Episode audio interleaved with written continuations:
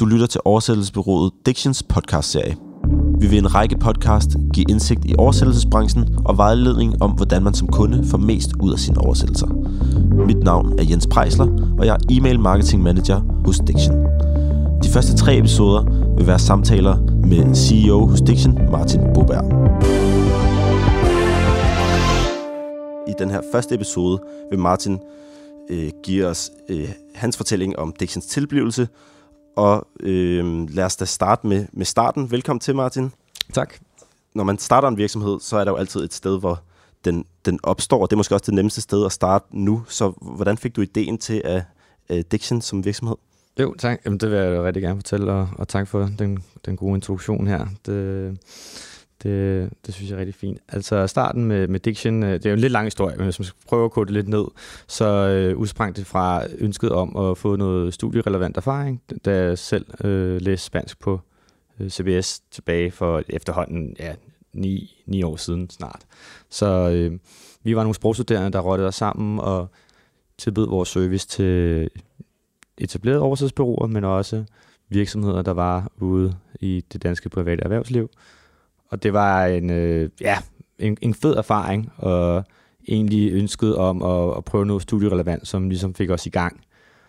Og ja, det var nærmest form for sådan en form for øh, charity-projekt øh, egentlig, så det var, ikke, det var ikke så meget om økonomien i det, men mere ønsket om at, at få brugt nogle af de sprogfærdigheder, som, som man fik øh, tilegnet sig gennem øh, studiet. Og det viste sig at være en god idé at starte med det, selvom det var et hobbyprojekt de første mange år, så udviklede sig så langsomt, og i takt med, at der var nogle teknologiske gennembrud i oversættelsesbranchen, så betød det, at vi pludselig øh, kunne gøre det til et lidt større projekt, end hvad vi egentlig havde tænkt det som i starten.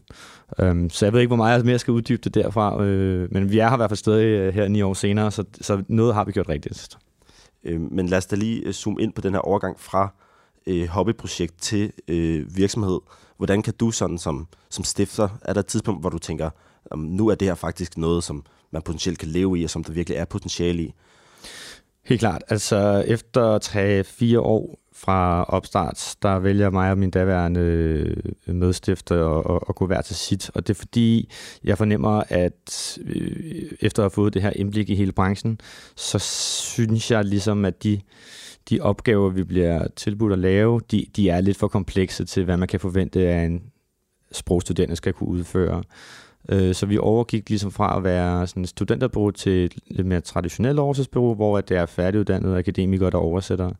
Og det første år, det var så i 2014, hvor at, øh, mig og øh, min daværende medstifter gik fra hinanden. Det gik rigtig godt.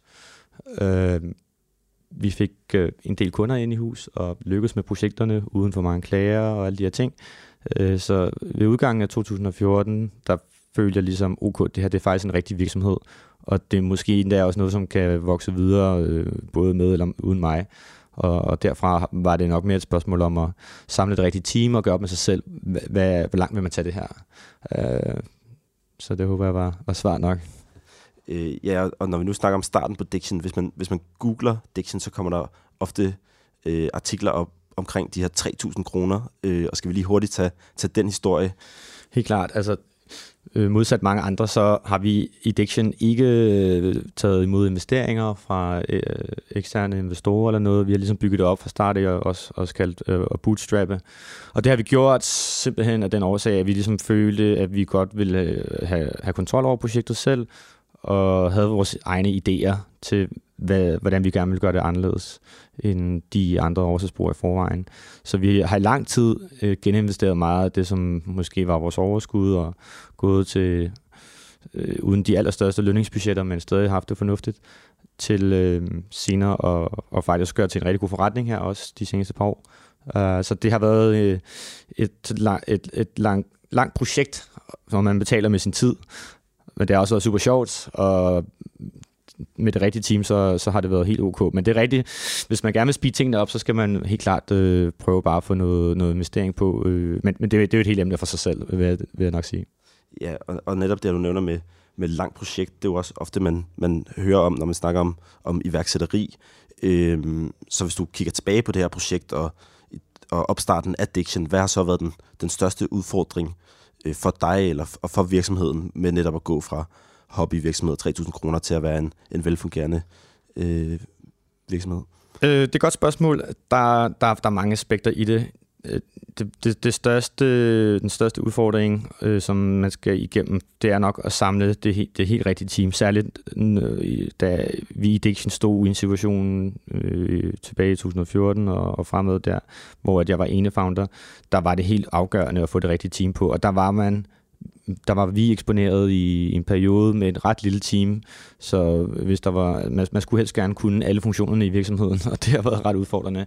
Og, og det, at at Diction i de første 5-6 år af virksomhedens levetid faktisk var jo lidt et, ikke et hobbyprojekt, men øh, et, en sidechance ved siden af studiet, fordi jeg studerede også på CBS, hvor jeg færdiggjorde min kandidat.